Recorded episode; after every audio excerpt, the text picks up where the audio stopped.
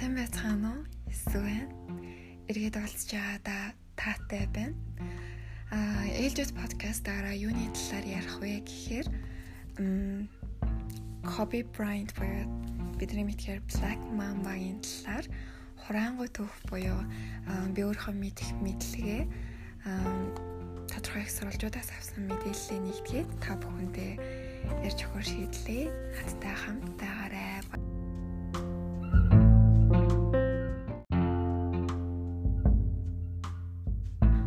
Kobe Bryant-ийн бага нас. Bryant 1978 оны 8 сарын 23-ны өдөр Филадельфид NBA-ийн тоглогч байсан Joe Bryant-ийн гэр бүлд мэдлжээ. Тэрээр хоёр эгчтэй бөгөөд айлын ганц хүү юм. Эцэг ихэн түүнийг Японы Kobe хотод хотын алдарт өхрийн махны нэрээр нэрлсэн байна. Түүний өөр нэрийг Bean гэдэг бөгөөд энэ нь аавынх нь Jelly Bean буюу эрзэн чихэр гэсэн очноос өгдөж өгсөн нэр юм байна. Bryant 3 настайгаас сагсан бөмбөг тоглож эхэлсэн бөгөөд багаасаа Lakers-ыг хамгийн дуртай байгаа гэж байнга ярьдаг байсан байна. Bryant-ийг 6 настай байхад нь аав нь NBA-с цодог тайлж мэрэгжлийн сагсан бөмбөгийг доод төвшөнд өргөлүүлэн тоглохоор болсон. Төд удалгүй Брайантын гэр бүл Итали улс руу нүүж Италийн олон хот дамжин суурьсан байна. Брайант шинэ амьдралын хэв маягтаа дасаж Итали хэлээр чөлөөтэй ярьж сурсан. Брайант Рижио Эмилия хотод амьдарч байхдаа сагсан бөмбөгд илүү дурлаж, илүү нухастайгаар хандх болсон. Брайантын өвөө түүнийг сайн сагсчин болгохын тулд Америкийн NBA-ийн тоглолтын бичлэгүүдийг шуудангаар илгээдэг гэжээ. Зуны улиралд Брайант сагсан бөмбөгийн лигт тоглохоор Америкийн нэгдсэн улсад эргэж ирсэн бөгөөд Брайант 13 нас хүрээд гэр бүлийн хамт Филадельфия руу буцаж нүүн ирээд Балас Симбай дунд сургуулийн 8 дугаар ангид илсэн орсон юм байна. Ийхүү Америк нэгдсэн улсад иргэн ирснээр түүний хүсэл мөрөөдөл биелэлээ олж эхэлсэн. Ахлах сургуулийн он жилүүд Брайант Филадельфийн захад байрлах Мэрионы ахлах сургуульд сурч байхдаа үндэсний хэмжээнд хүлээн зөвшөөрөгдсөн сагсан бөмбөгчин гэдгийг харуулж чадсан. Тэрээр сагсан бөмбөгийг багаасаа тоглож байсан учраас маш эвсэлтэй, уран хөдөлгөөнтэй байсан юм байна. Тэрээр нэг тоглолтод 31.1 оноо 10.4 самбраас бөмбөг авалт, 5.2 дамжуулалт, 3.8 хаалт, 2.3 бөмбөг таслалтаар Пенсильвания мужийн олон шилдэг тоглогчоос тодорч бүх Америкийн нэрэмжит дөрөвдүгээр багт нэр дэвшиж, дээд сургуулиудын багийн ахлагчдын анхаарлыг ихэд татаж эхэлсэн. Брайант ахлах сургуулиудаа төгсөх жилээ маш их сайн тоглолтуудыг хийж хид хідэн шагнал хүртдэг байсан. 17 настай Брайант NBA-д орох шийдвэр гаргаж ахлах сургуулиасаа NBA-д орж тоглосон түүхэн дэх 6 дахь тоглож тоглогч болж чадсан. Түүний сагсан бөмбөгийн ур чадвар SAT буюу Америкийн нэгдсэн улсын эсрэлтийн ерхий шалгалтын дүн оноо нь а 1080 гэсэн өндөр оноо байсан тул тэрээр альч коллежид дуртайя хэлсэх болцлыг хангаж байлаа. NBA-д хөл тавьсан нь. Lakers баг төвийн тоглогч Влед Диванкийн Шакил Онилаар солихыг солихын тулд шин тоглогчийг драфт хийх эрхийг авах гэж хичээж байсан. Брайант бол ахлах сургуулиас шууд мэрэгжлийн төвшөнд сонгогдсон анхны хамгаалагч байлаа. Тухайн үед Bryant 17 настай байсан тул Lakers-тэй гэрээ хийхийн тулд эцэг нь түүнийг төлөөлөх шаардлагатай болсон бөгөөд тэрээр 18 нас хүрмэгцээ гэрээнд өөрийн гарын үсэг зурах боломжтой болсон юм. Тухайн үед Bryant 3 жилийн хугацаатай 3.5 сая долларын гэрээ байгуулсан. Bryant Калифорни мужийн Long Beach хотод болсон зуны мэрэгжлийн лигт дебютээ буюу анхны тоглолтоо хийж 25 оноо цуглуулж чадсан хамгаалагчид түүний урд гарах гэж чармааж байсан ба түүний тоглолт Lakers багийн дамжуулагч Дэл Харрисыг тоглуулж чадсан.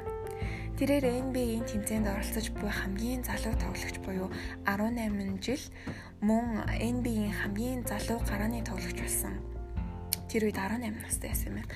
Аа улирлын төгсгөлд тэрээр нийт нэг тоглолтод дунджаар 15.5 минут тоглож бүх оддын тоглолтоор шин тоглогчдын тэмцээнд оролцсон 1997 оны Slam Dunk тэмцээнд төрүүлсэн нь түүнийг 18 наснда дэлхийн хамгийн залуу авраг болгосон юм. Тэрээр багийн найз багийн найз Онил Ван Иксел Джонс нартай хамт тоглож 1983 оноос хойш анх удаа нэг багийн дөрвөн тоглогч оддын тоглолтод тоглохоор сонгогдсон анхны тохиолдол болсон мөлий. 1998 оноос 1999 онд Bryant лигийн тэргүүний хамгаалагчаар тодорсон юм.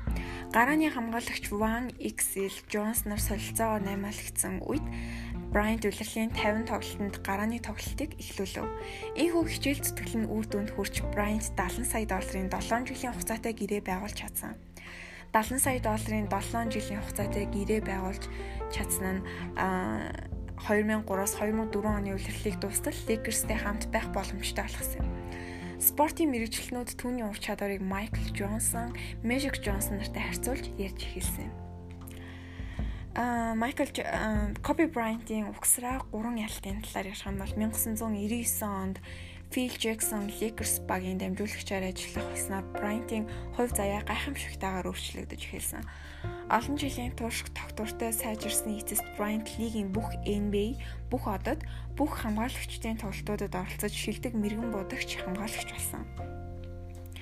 Lakers баг төвийн хамгаалагч Bryant O'Neal нарын тоглолтыг бий болгосноор баг маш хүчтэй болж эхэлсэн.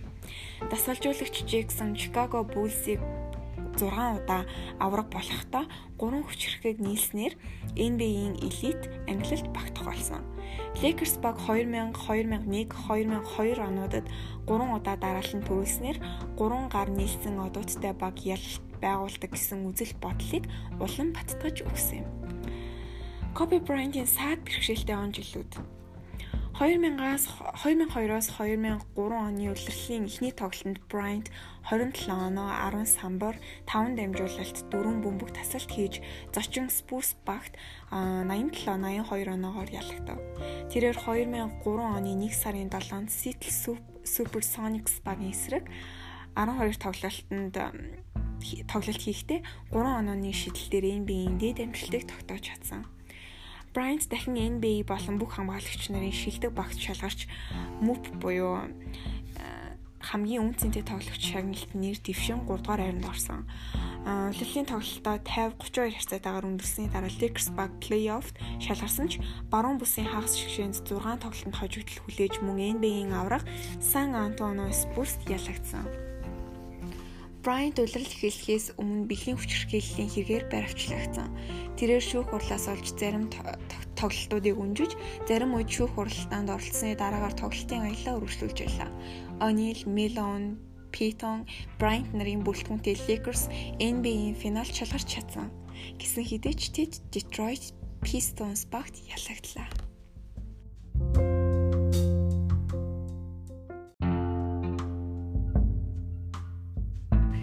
Кобигийн хамгийн өндөр оноо болон плей-оффын хожигдлын талаар ярив. 2005-аас 2006 оны улиралд Брайантийн сагсан бөмбөгийн заавнал бэрхшээл тулгарч эхэлсэн. Брайанттай нийцэхгүйсэн тасгалжуулагч Джексон Лейкерсийг тасгалжуулахаар иргэн ирсэн бөгөөд Брайант түүнийг дэмжихээ хамлаж хоёр дахь удаага маш сайн хамтран ажилласан боловч Лейкерс баг амжилт гаргаж чадаагүй юм. 2006 оны 1 сарын 22-нд Лейкерс баг Торонто Raptors-ыг 122 104-ийн харьцаатаагаар хожиж Bryant карьерийнхаа хамгийн өндөр оноо болох 81 оноог авч чадсан. Тэрээр нэг тоглолтод дунджаар 35.4 оноо авч байсан бөгөөд лигийн оноо цолыг анх удаа хүртэж лигийн түүхэнд улирлын дунджаар 35-аас доошгүй үзүүлэлттэй тоглосон 5 дахь тоглогч болсон. 2006-аас 2007 оны улиралд Bryant 9 дахь удаага бүх оцны тоглолтод шалгарч 2 сарын 18-нд 31 оноо 6 оновчтой дамжуулалт 6 бомбог таслалт хийж 2 дахь карьерийнхаа бүх оцны тоглолтоор хамгийн үнцэнтэй тоглогч шагналыг хүртсэн. 2007 оны NBA-ийн плей-офф Lakers баг эхний шатанд Phoenix Suns 4-1-ээр дахин хожигдов. Амжилттай он жилүүдийн юм бол 2007 оны 12 сарын 23-ны өдөр Bryant Madison Square Garden болсон тоглолтоос 39 оноо авснаар New York Knicks багтай хийсэн тоглолтод 20 мянган оноонд хүрсэн хамгийн залуу тоглогч байсан. Залуу тоглогч буюу тэр үед 29 настай байсан.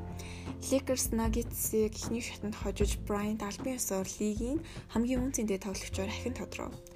Lakers Bucks Spurs-ыг 5 тоглолтоор буулган авч NBA-ийн финал Boston Celtics багтай тоглолт хийв. Ингэснээр Bryant карьертаа 5 дахь удаага онилгүйгээр анх удаага NBA-ийн финалд шалгарсан түүхийг бичсэн. Bryant дахин 25 мянган оноо авсан хамгийн залуу тоглогчоор шалгарв. 31 настай байсан байна. 6 удаагийн авраг авч исэн. Bryant 5 дахь түрүүгээ авч NBA-ийн финалийн 2 дахь дараалсан шагналыг эзэн болсон. Bryant 6 дахь удаага 6 дахь удаагийн аврах шалгаруулах тэмцээнд ялж Майкл Жорданы амжилттай тэнцхийг зорж илаа.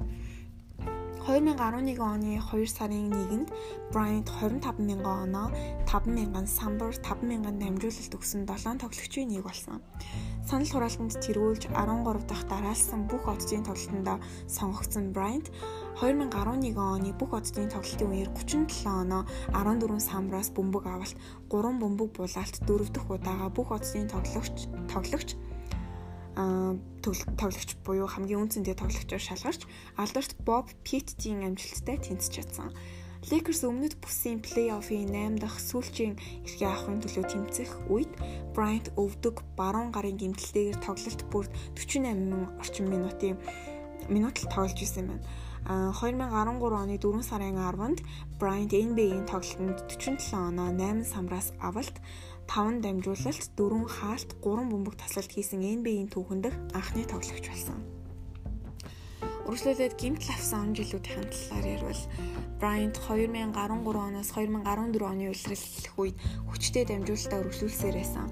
Тэрээр Lakers-тэй 48.5 сая долларын 2 жилийн хугацаатай гэрээгээ сунгаж лигийн хамгийн өндөр цалинтай тоглогч хэвээрүүлдэв. 2013 оны 12 сарын 17-нд Lakers баг Memphis-ыг 96-аас 96-92 харьцаагаар хожиж Bryant улирлын хамгийн өндөр 21 оноо авсан боловч зүүн өвдөгний хажуугийн шилб хугалж 6-7 хоног тэмцээний өнжих шаардлагатай болсон бөгөөд 2014-өөс 2015 оны улирлын тоглолтод иргэн ирсэн юм а. Зодог тайлсан үеийн талаар ярил 2015-аас 2016 оны улирлын өмнөх тоглолтоо эхлүүлсэн Bryant дахин гэмтэл авч сүүлийн 2-7 хоног тоглолтоо өргөжлүүлэх боломжгүй болсон. Ийхүү Bryant 2015 оны 11 сарын 29-нд тухайн жилийн улирлын төгсгөлд зодог тайлна гэдгийг аль биесээр мэдгдсэн. Тэгээд эцэст нь дэлхийн нийтийн гашуудал тавтуулсан хэсгийн хандлаар ярий. А 2020 оны 1 сарын 26-ны өглөөний 9 цаг 6 минутанд Калифорни Оранж дүүргийн Джон Уин нисэх онгоцны буудлаас Sikorsky-гийн S76 нисдэг тэрэг 9 хүнийг тээвэрлэж яваад асалцсан. Bryant 13 настай охин Gianna бусад гэр бүлийн 6 найзууд нисгэгчд бүгд нас барсан харамсалтай үйл явдал болсон уг ослон зөвхөн Америкчууд ус дэлхийн тахны техник гаршуудал тавтуулсан юм аа. За тэгээд эцэст нь хачирхалтай баримтууд хасан дурдъя. Нэгдүгээрт тэрээр нийт 33643 оноо авч NBA-ийн бүх цаг үеийн шилдэг тоглогчдын дөрөвдүгээрт бичигдэж чадсан. Хоёрдугаарт нэг тоглолтод 81 оноо авснаар түүхэнд хоёрдугаарт бичигдэж чадсан. Гуравдугаарт Тэрээр зөвхөн сакс тоглодог бос сайн бизнесмен байсан. Түүний хөрөнгө оруулсан Jeff Stable компани нь 2 тэрбум долларын хөрөнгөтэй юм байна. Дөрөвдүгээрт 2020 оны байдлаар Bryant-ийн хөрөнгө 600 сая долларт хүрсэн. Тавдугаарт Black Mamba нь дэлхийн хамгийн хурдан хөдөлгөөнтэй хортой могоод тооцогддог бөгөөд Bryant Kill Bill киног үзснээр өөртөө энэхүү нэрийг өгсөн юм байна. 6 дугаарт Bryant залхуу хүмүүс дургу бөгөөд тэднийг огтхонч ойлгодоггүй байж. Тэрээр өөрөө өдөр бүр үүрийн 4 цагт босож бэлтгэлээ хийхээр явдаг байна.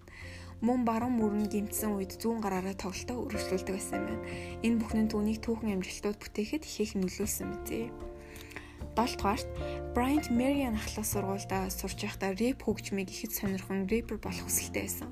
Sony Entertainment-тэй хамтран ажиллаж 2000 онд альбомоо гаргах төлөвтэй байсан ч санал зөрчилдсөний улмаас ажлыг зогсоосон юм байна. 8 дугаарт бага насаа Италид өнгөрүүлсэн бөгөөд хэрвээ Bryant-ийн гэр бүл Америк руу нүүж ирээгүй бол Bryant хөл бөмбөгчин болох магадлал өндөртэй байсан юм байна. Учир нь тэрээр өөрийн хөл бөмбөгийн багтаа хамгийн шилдэгэнд байсан юм байна. За ингээд энэ хүртэл надтай хамт байсан маш их баярлалаа. утгагүй уулзцгаая. Баяртай.